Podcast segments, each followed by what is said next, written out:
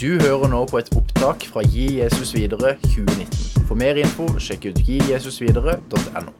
Uh, all uh, thanks so much for coming. And this has been a wonderful uh, day, so day and a half so far. So um, I've been having some wonderful conversations, and I'll see you behind the pole. How's it going over there?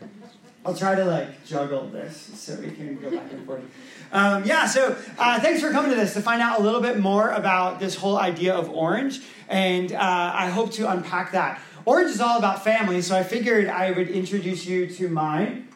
Uh, so this is my wife Jenna. We've been married for 20 years. Uh, actually, uh, this last Wednesday was our anniversary. Uh, so we uh, we have been known to travel a lot, and uh, we've been to Africa a few times, and we just we are spontaneous and we like to have fun together and it's it's been a, a, joy to to be to have her as part of my life and she's really really smart she's like brilliant smart so um, I married up for sure. Um, and uh, this is Liam. Liam is right there. Um, yeah, he, he, he uh, don't clap. It's fine. He's, uh, yeah, yeah, he's like, I can't believe I have to sit here. All right. Uh, uh, yeah, so Liam is, uh, he's 16 and he's a junior in, in high school, and we're figuring out uh, next steps for him. I'm so glad that he can travel with me on some of these trips that I get to do. Uh, this is Ellison. In, in this hair, she in this picture she has red hair. She now has uh, it's like purple uh, hair. Um, so if that gives you any indication of uh, Ellison, uh, she is uh, a singer songwriter. She has a YouTube channel, and she just loves everything to do with creativity and being an individual. this is Addison. Addison, oh, and she's a freshman. She's uh, she's uh, in her first year of high school. Addison is in eighth grade, and uh, she is uh, the sweetest person that you've ever seen. She uh, loves animals. Uh, she's a dog sitter for several dogs in our neighborhood, and she loves our two dogs.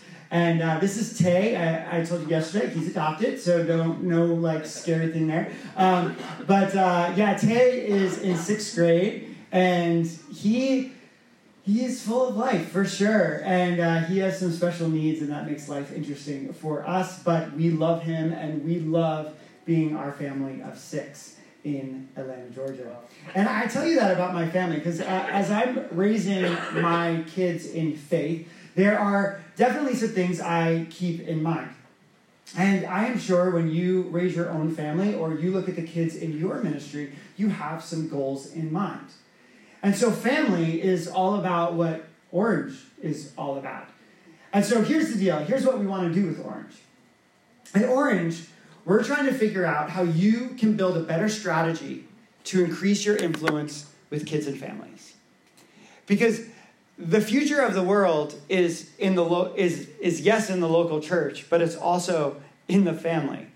Because like we learned last night, kids are with their parents their caregivers way more than they're with us. So we're trying to figure out at Orange how do we make sure that these two institutions work together and don't fight each other um, and aren't going down two separate paths but are going down the same path, the same track with the same end in mind. And so strategy is what's important. And strategy is a plan of action with an end in mind. So you can have an end in mind, you can have a goal, you can have a mission. But if you don't have a strategy to get you there, you're never going to get there. So I, the church has been known for a while for saying, hey, we're going to make disciples. We want to have people know Jesus.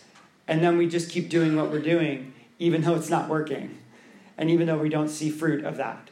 So we're trying to say, all right, if we want this to happen, if we want to go into all the world and make disciples, well, uh, the parent is the is the discipler of their kids. So, how do we tap into that relationship that already exists while partnering with the other adults that need to be in a child's life?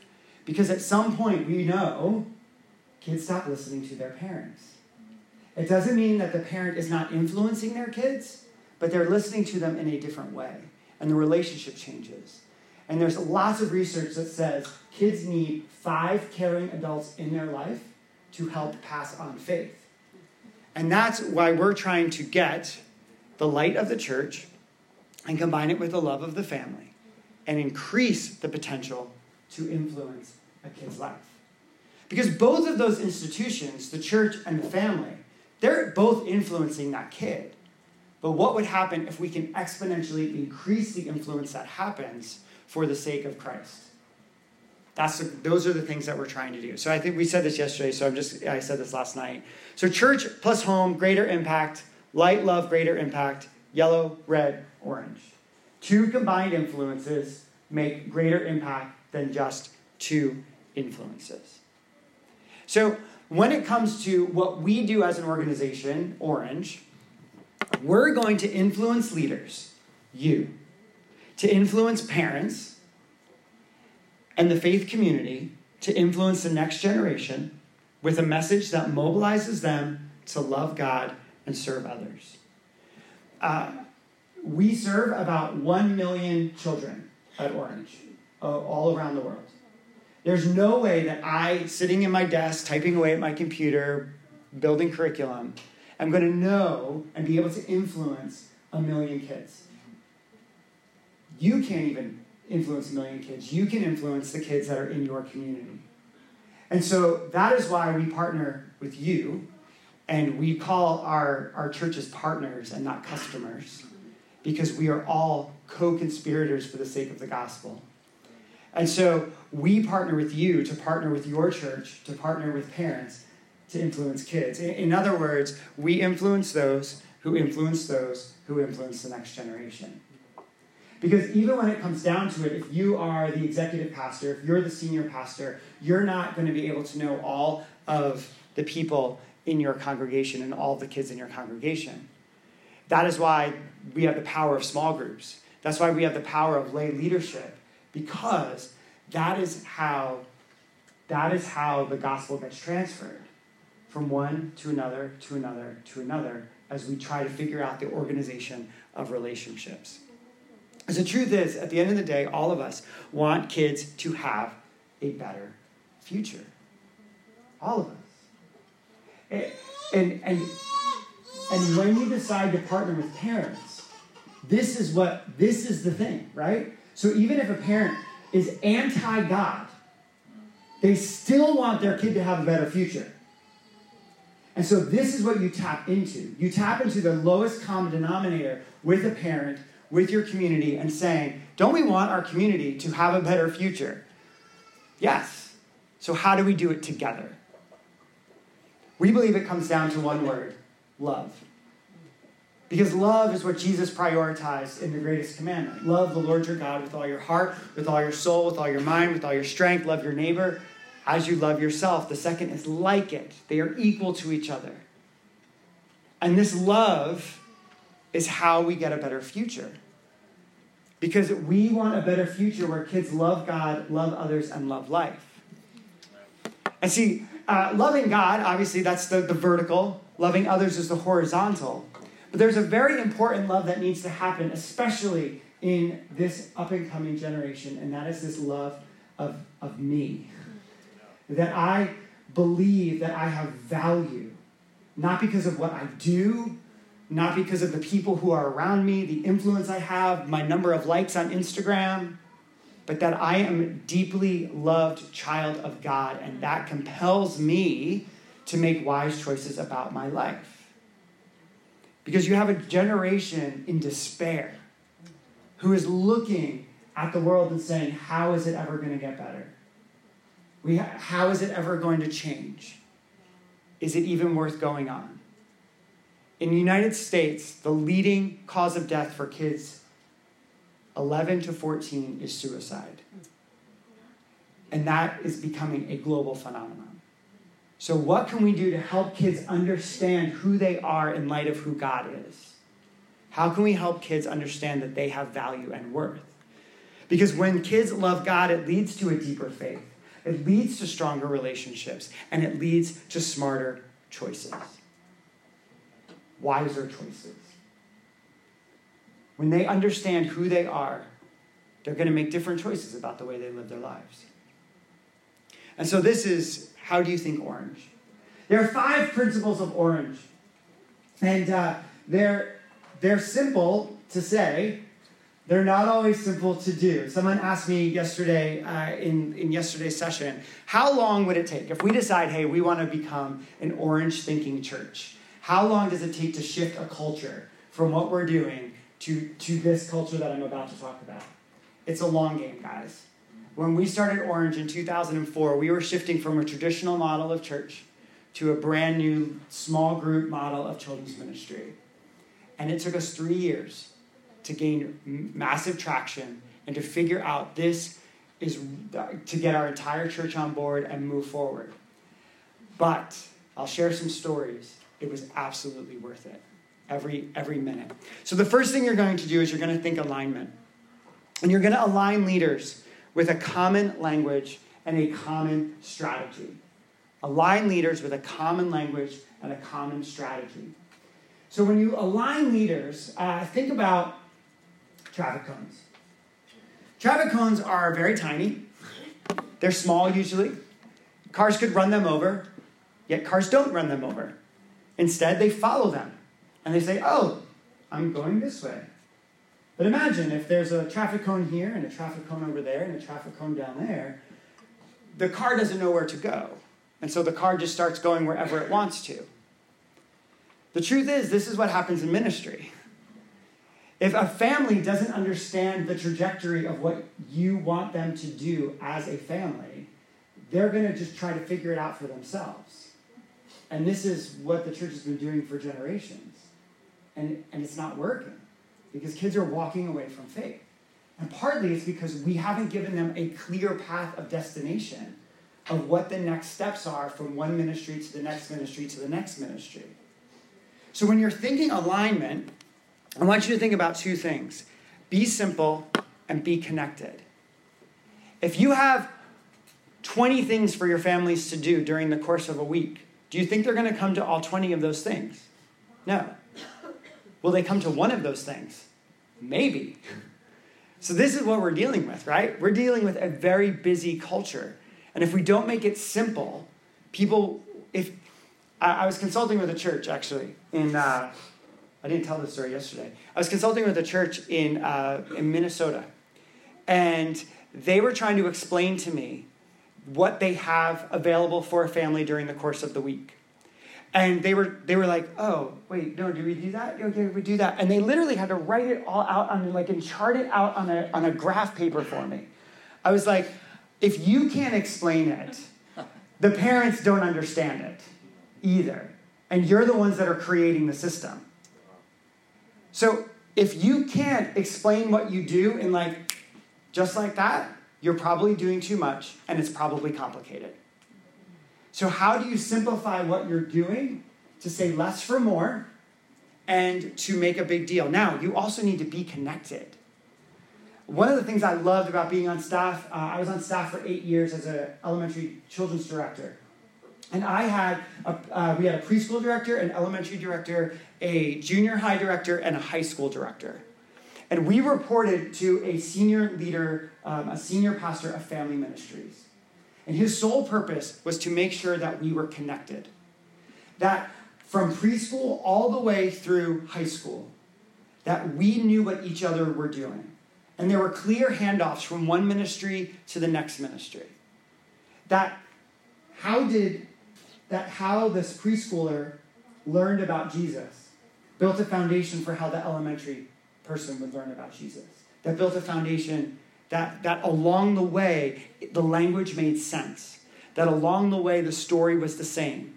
So it wasn't like they were getting one message as an eighth grader or as an eight year old and another message as an eighth grader.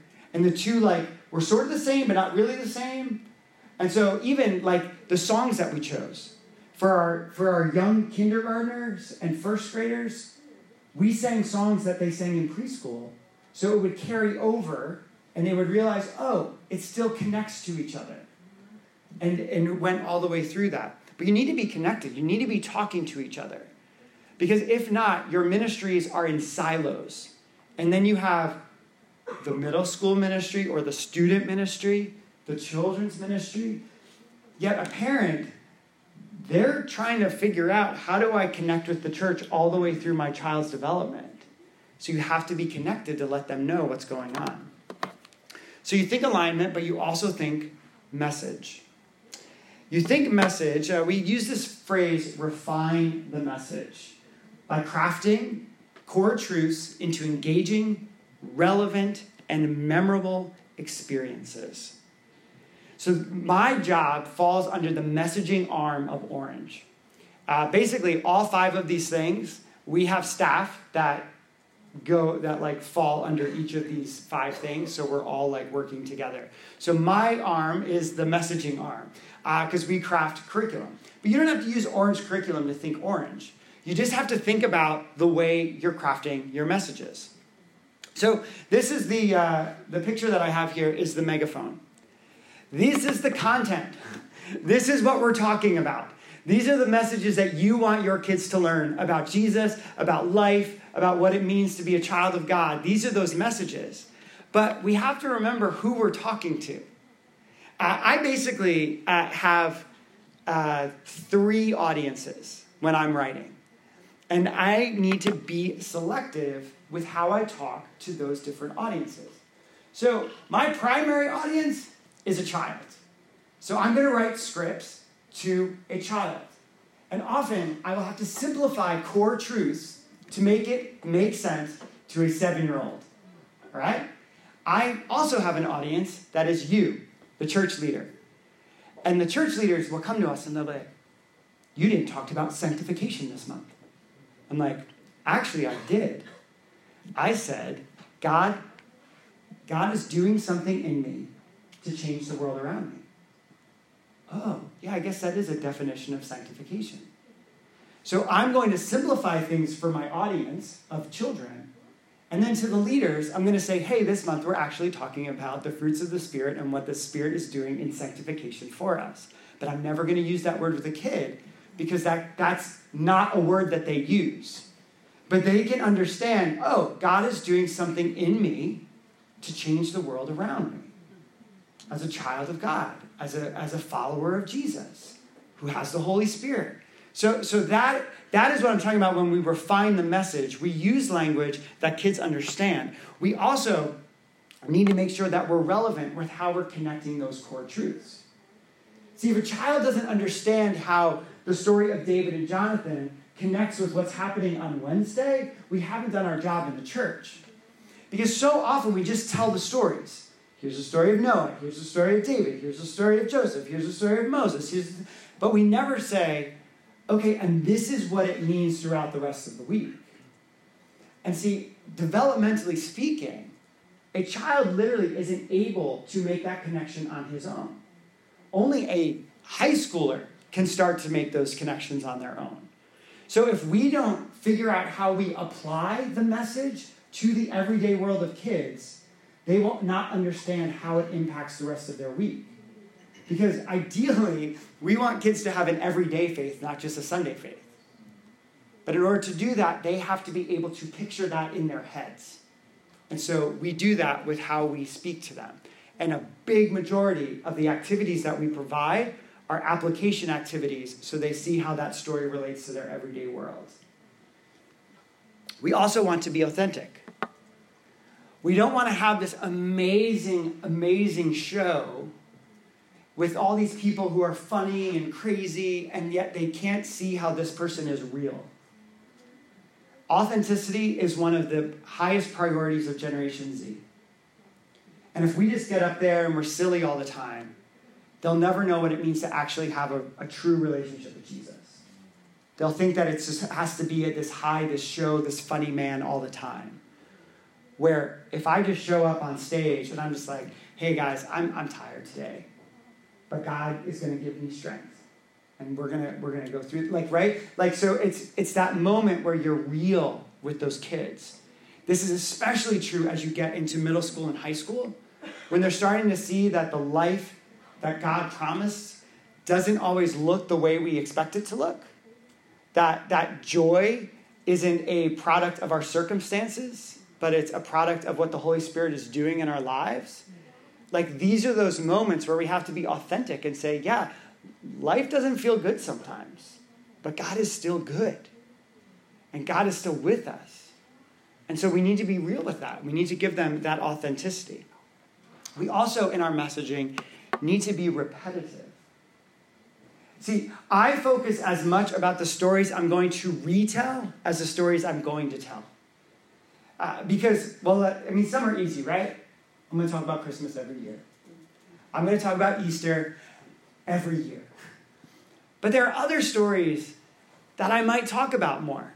I, I might tell several passages from the Sermon on the Mount because this is Jesus telling us what it means to live as part of the kingdom. So I'm going to I'm going to go back to that over and over.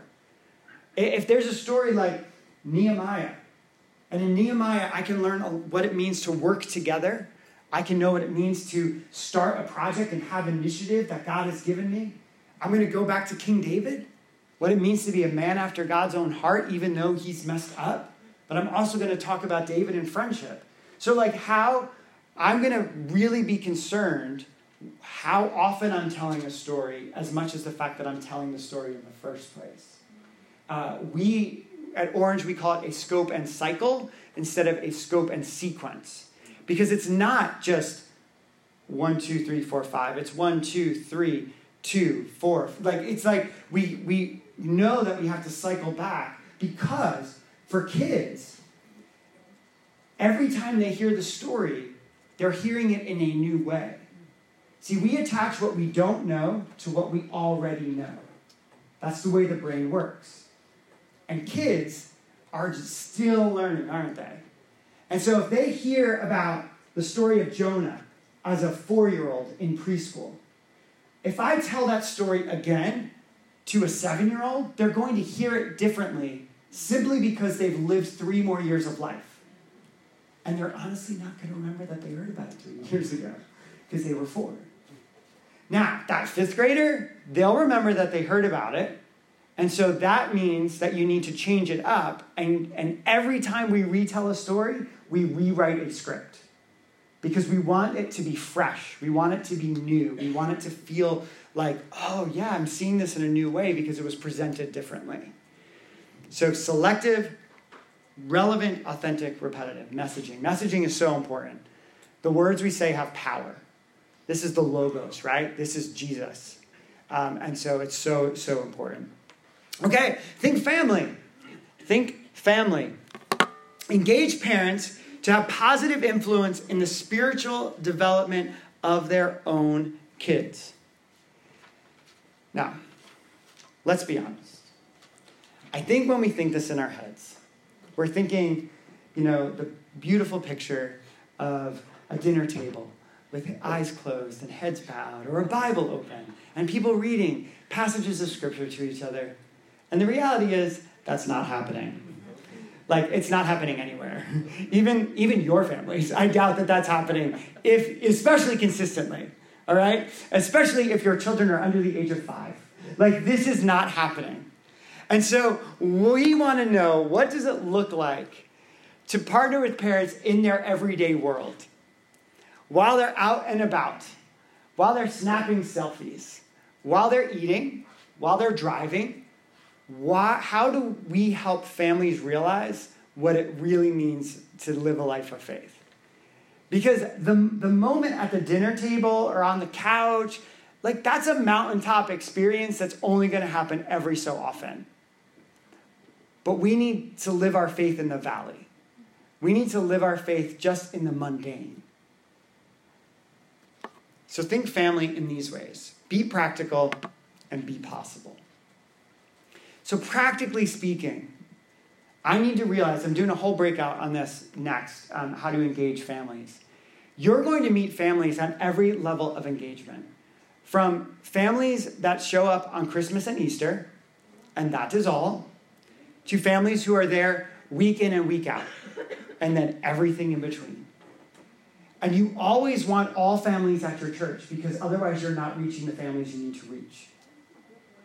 So, what does that mean though for them to be the spiritual directors of their families if they're only showing up to your building two times a year?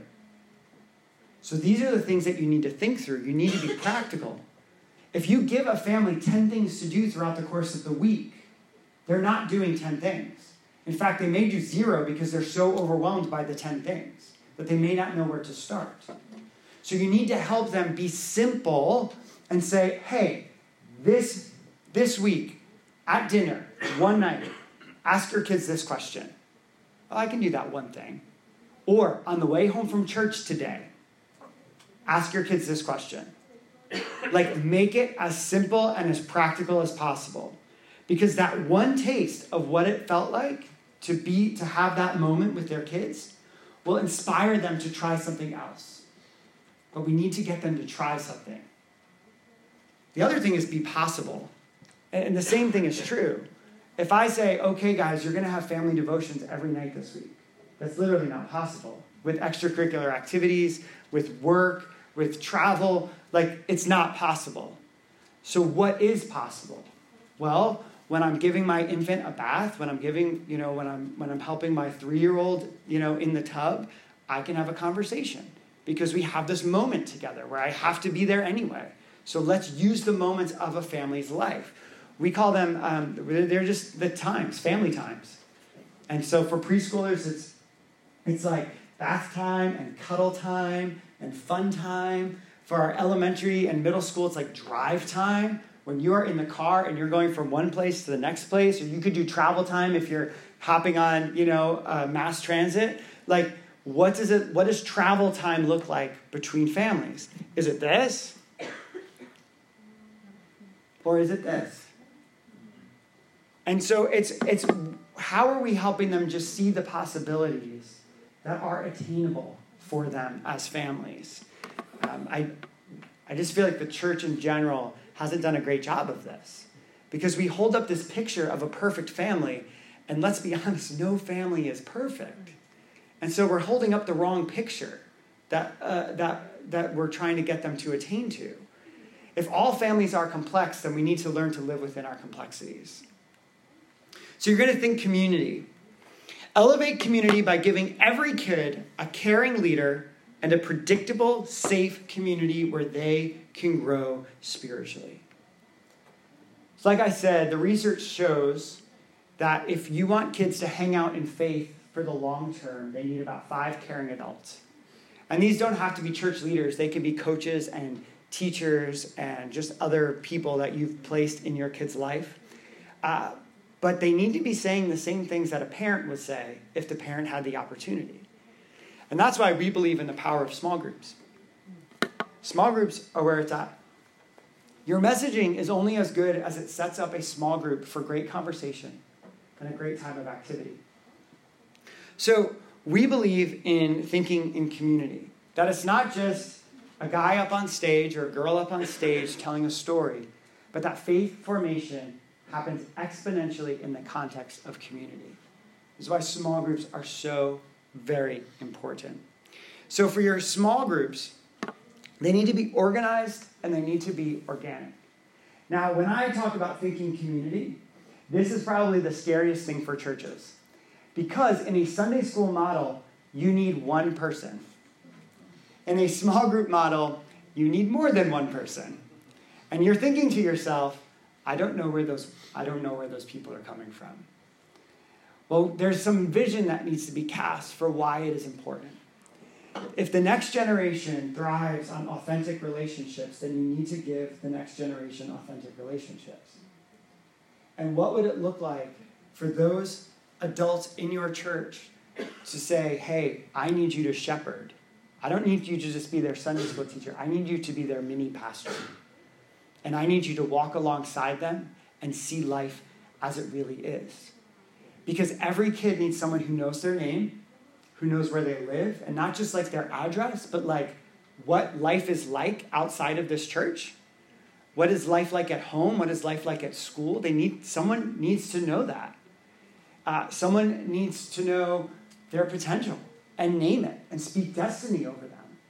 Uh, someone needs to to realize, look, I know that you've messed up, but you still have value, and God still wants to use you.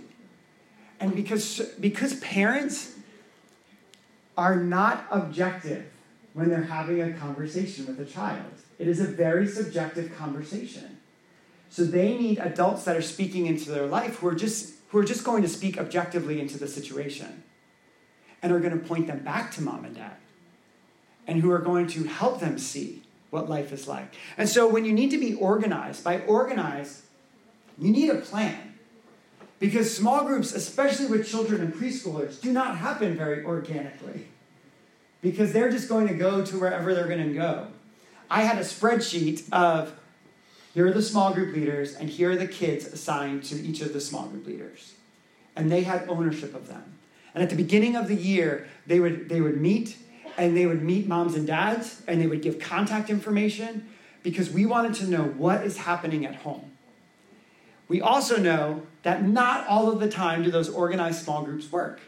Sometimes there are kids that don't get along. Sometimes there are kids that just don't connect with a small group leader. And so that's when you also need to be organic and say, all right, it's okay. Let's move from here and let's just let's move some things around and get you in the right group to make sure that everything everything is good here.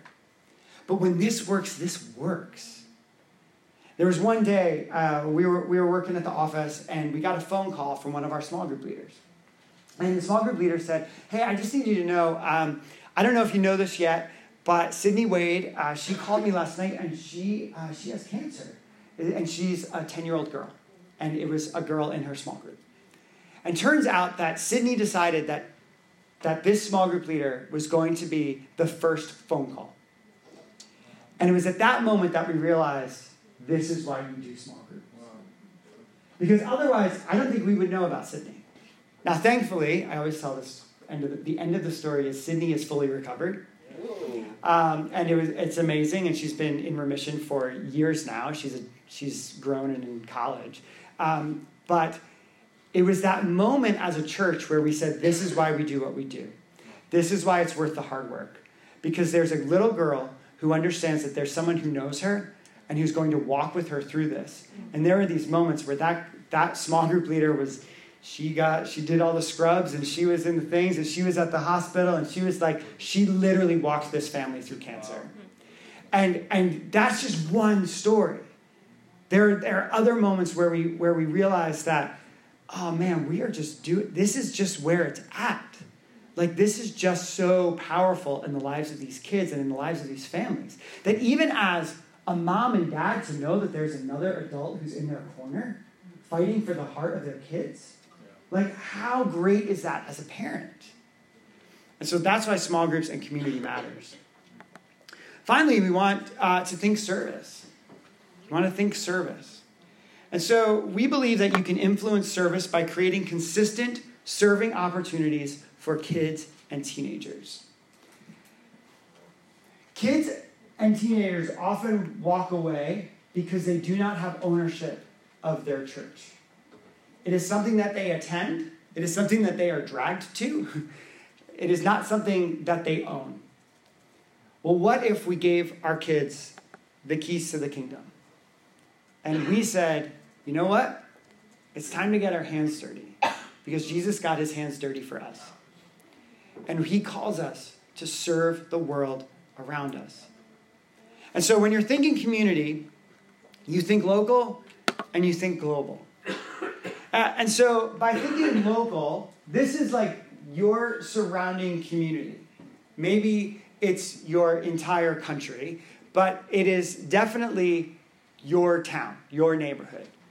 So, the ways that we did that, and you can do this at every level right? Because a preschooler needs to know that they're as, part of, as much a part of the church as the 18 year old needs to know that they're part of the church. And so, like for our, we we partnered with uh, a local food pantries, and we had a, at our church we had a food pantry uh, for those who were f- food insecure, and, and so our preschoolers we gave them paper grocery bags, and they would decorate them, and they would and they would put a sticker on them with the address of the church, and it was crazy how we would have visitors come and they're like, oh, we got a bag of food at, at the food pantry and we saw your sticker and something was happening in our lives and we decided to come to church. Wow. And because you were the ones that had the address, we figured we'd show up here. And, and, and we were like, oh, they were living out the Great Commission as four year olds, as three year olds, just coloring a bag, right? And then there was this moment that happened in our elementary program where where uh, we were, you know, the elementary kids were actually bringing food. We gave them a, a shopping list and they were to go to the, the store with their parents and to, and to bring the food back. And, and there was this one boy, he raises his hand and, and the leader calls on him. And he says, I, I just need to say thank you. My, my family receives food from this food pantry. And so you're literally helping us uh, have food this week. And the kids were like, whoa, whoa, whoa. Wait, no, we give the food, we don't take the food. But it was this moment of empathy, right? Like it was this moment of saying, wow, life is very different than the life that I that I thought are in my community. And it was a very empathetic moment. It was a teachable moment. But the courage of this boy to say thank you totally impacted the rest of the room because then they were like, oh, well, if it's my friends, right? If my friends are, have, are struggling, like, we need to give more. Because that means if it's like a friend at church, it's got to be my friend at school. Like, right? So it just, all the, but if we hadn't given them that opportunity to serve, they wouldn't have had that moment to learn and, and have their perspective opened. And the same is true of, of the global church, that the global church is, is struggling in all parts of the world. And how are we helping, especially our teenagers, realize that they are part of something bigger than just what's happening in your small local church? But they're part of this like massive movement. Uh, we can give them that, that perspective by taking them on mission trips. And I'm so jealous of, of European countries because you can just like hop from like one to the next. Like it's like a massive thing for a United States church to like go to Central America or South America or overseas. But trips that I took to Kenya and Tanzania completely changed my perspective on the world. And are part of the, the catalyst for why we brought Tay home, because I saw a need and realized I could do for one what I wish I could do for all. Right? But, but you have to give the kids the opportunity to see it and experience it. That's why I actually love Compassion International. Um, they have a booth upstairs. Compassion is great at helping kids understand perspective on global issues of water and malaria and you know all different sorts of poverty and just how we can help and truly be the hands and feet of Jesus. But we have to give our kids opportunities. And that, I mean, honestly, that's what it means to think orange. To think orange is to say, I'm going to look holistically at the life of this child. I'm not just going to look at his Sunday morning life. I'm going to look at what life is like on Wednesday and Saturday. I'm going to look at life, at, at what it means when he's four, and what it means when he's eight, and what it means when she's 16, and what it means, you know, because if I'm not thinking of the same child at every step, then I'm only raising an eight year old when the truth is, we as the church are raising adults. And so we need to make sure that all along the way, it's all lined up. So our end in mind that we have for the kid that has an authentic faith, a growing relationship with Jesus Christ, who doesn't just go to church on Sundays, but lives out faith every day of his or her life. That's what we want. But unless we're teaching them along the way while it's safe, while they can make mistakes and fall on a nice comforting, you know, relationship, they're never going to have the courage to do it on their own out there. They need to practice faith along the way. Uh, so that's what it means to think orange. Uh, are there any? We have some time for some questions, if you if you have any. If not, that is okay as well. Uh, if you have, yes. Um, yeah, I don't know how to express it like um, that well, but um, like what I've been thinking about yesterday and also today is um, because I I don't have children of my own. Yeah. I, uh, I have started uh, my own business, Mm-hmm. and actually I see my employees as my children. Yes. In a way. And I know that I can't like force my action on them, but Mhm. by going forward as a good example, I think there is a big ch- um, chance that some of them will follow in my footsteps. Yeah. I just wonder if you have some um, views on this. Yeah, absolutely. You know, I I think our family. I, I think with with the definition of family, we can be as open as we want to be, Yeah. right? Um, and and our family is blood, but our family is also very much chosen, Yeah. and and it's the people that we surround ourselves with, and and I would I would say the care that you give to those coworkers or those, those staff members could be that of that of a family. And, and you tap into the, the everyday life and you tap into the everyday conversations and you make the most of them. You know, it's like it's like when you realize how much time you have left, right? You make the most. You make the most of it. And so I think it's for you, it's for figuring out, okay, well, what would a logical next step be for for this person or this person? This is when you have to very much individualize it, which is also the power of small groups. That a small group leader, once they understand their kids, they can then apply it directly to the situation rather than just some blanket application. So that would be the same, like for you, it'd be saying, okay, what's the trajectory for each of these people? And then moving forward. Because I think a small group leader, the, the principle applies to the small group leader as well to say, okay, well, if this kid is from a home that they are fully invested in their faith, that's going to look different from a child whose parents like are like kind of out like way out there and they're just kind of showing up. Okay, well that so now as a leader, I'm trying to how to how do I pastor each of these people, right? And so definitely I could see where where it applies for sure. That's a good question. Yes. How do you practical give your ideas or tips to the parents? Yeah, absolutely. So um, I'm going to do a whole breakout on it, but simply said, simply saying, uh, from the curriculum perspective, uh, I would say tap into where parents are already getting information. So we provide uh, email blasts, we provide social media tips and tricks, uh, because if if a parent is already scrolling through Instagram, because they do, and they come across a, a notification from your church that says, "Oh, ask your kids this question," okay, great. Now I now I have the now I have it. Um, so we we try to say in our decentralized society where they're not necessarily coming to us, how do we go to them? Um, and media is definitely one of the one of the most effective ways that we're seeing in in in right now. Um, we're, we have a lot of churches finding success with creating Facebook groups um, as opposed to a Facebook page. Uh, Facebook groups are, are high, they rise higher in the algorithm for, for Facebook. And so you get the notification sooner, and then you're also creating a community of your parents. So then they can share tips and tricks, and you can pose questions. Um, we're finding a lot of good success there. Uh, the piece of paper that you print off and you send home ends up in the trash. Um, and so, and most of the time. Um, and so we, we just are trying to realize okay, if we can go digital, that might be a really good option. We also have churches that are using uh, text messaging, um, SMS messaging, because it's, re- it's really simple. You could do it and then you get the blast and you get the notification and it shows up on your watch and you know um, but you need to make it like really obvious. Um, we have an app. We have a Parent Cue app. I talked about it yesterday.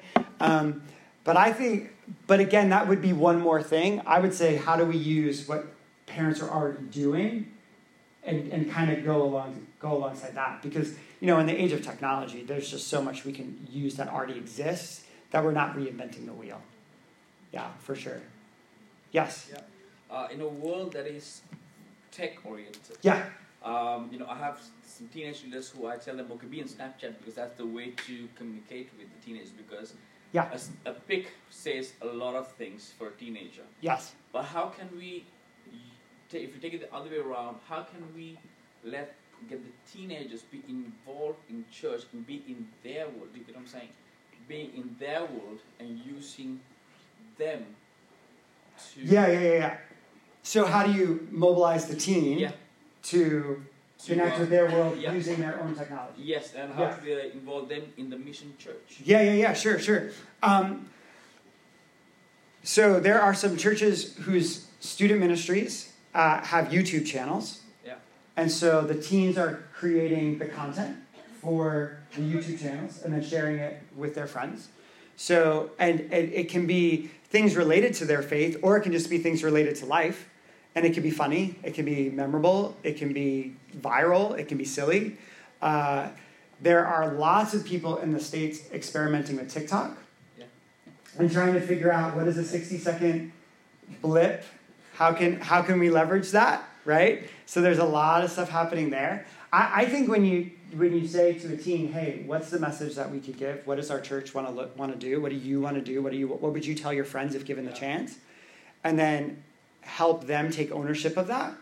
I think it could be very powerful. Yeah. You know, because I and I talked about this in yesterday's breakout that you were in. You know, Generation Z is loves uh, a movement, right? They also love creating the movement. So how can we unleash them with some assistance and with some guidance to help us? I mean, the movement of the church is Yeah. is thousands of years old. It, we just have to figure out what does the movement of the church look like in the 21st century, in the digital age. And you can mobilize your youth to do that because the youth, as we said, are digital natives. So, so they know it intuitively of how it's going to work. You know, if I have a question about media, I'm going to my kids, right? I, you know, I'm going, I'm going to, you know, say, you know, I'm going to say like, who, who are people following, you know, on YouTube and who, are, who should we be watching? Um, and who can we learn from? Now, it doesn't mean you're going to learn from their content and you're going to share their content because their content might not be appropriate. But you can learn the principles that they're using to gain influence Yeah. with the culture at large. Um, you have people like Rhett and Link. Uh, I don't know if you know about Rhett and Link. They're massive in the states. They're two youth pa- old youth pastors, and now they have millions and millions and millions of followers, right? And so just because they decided to do silly things, and now they have a platform that can then point people, all people, not just Christian people. Same with Dude Perfect. Like it's another, like they're just a bunch of youth pastors who like doing stupid games, right? And so now they go on tour and they sell out arenas. Like it is absolutely crazy what happens because everyone has a microphone now. And so who are you giving the microphone to? And what are you helping them say? I think that's those are the questions that you need to ask.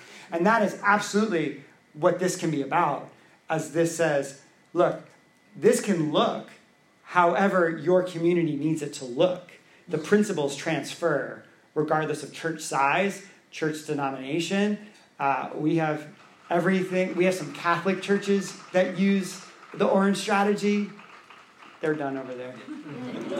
Uh, we, we do. We have some Catholic churches, Anglican churches, Episcopal churches. Like there, there are traditional churches who are implementing strategy as well as your Pentecostal mega churches and your, you know, like so it is it is and, and the Salvation Army, I don't know if there are any salvationists in the room. We um, they are the we are the official curriculum for the Salvation Army in in the United States, Canada, and Bermuda. Um, and so there are just it's the principle, right? And so regardless of curriculum, you can im- you can think through all of these lenses with your church and make sure that what you're doing aligns each other and aligns with your parents in your community. That's a good question. So that's a really long answer to that to that question. I just want to sit down with all of you and just talk. Like I just think that'd be that'd be so great because I love learning from. We're we're ten years behind you, in many ways in the United States, and so uh, as far as unchurched and the movement of the church and what we're dealing with in the in the states, and so I just have loved sitting down with many of you and seeing, okay, what are because because our strategies have to work together. This is the global church, right? And so we're learning from each other, which is really powerful. Are there any other questions? If not, you can be done as well. awesome. Well, hey, thanks so much, guys. It's lunchtime.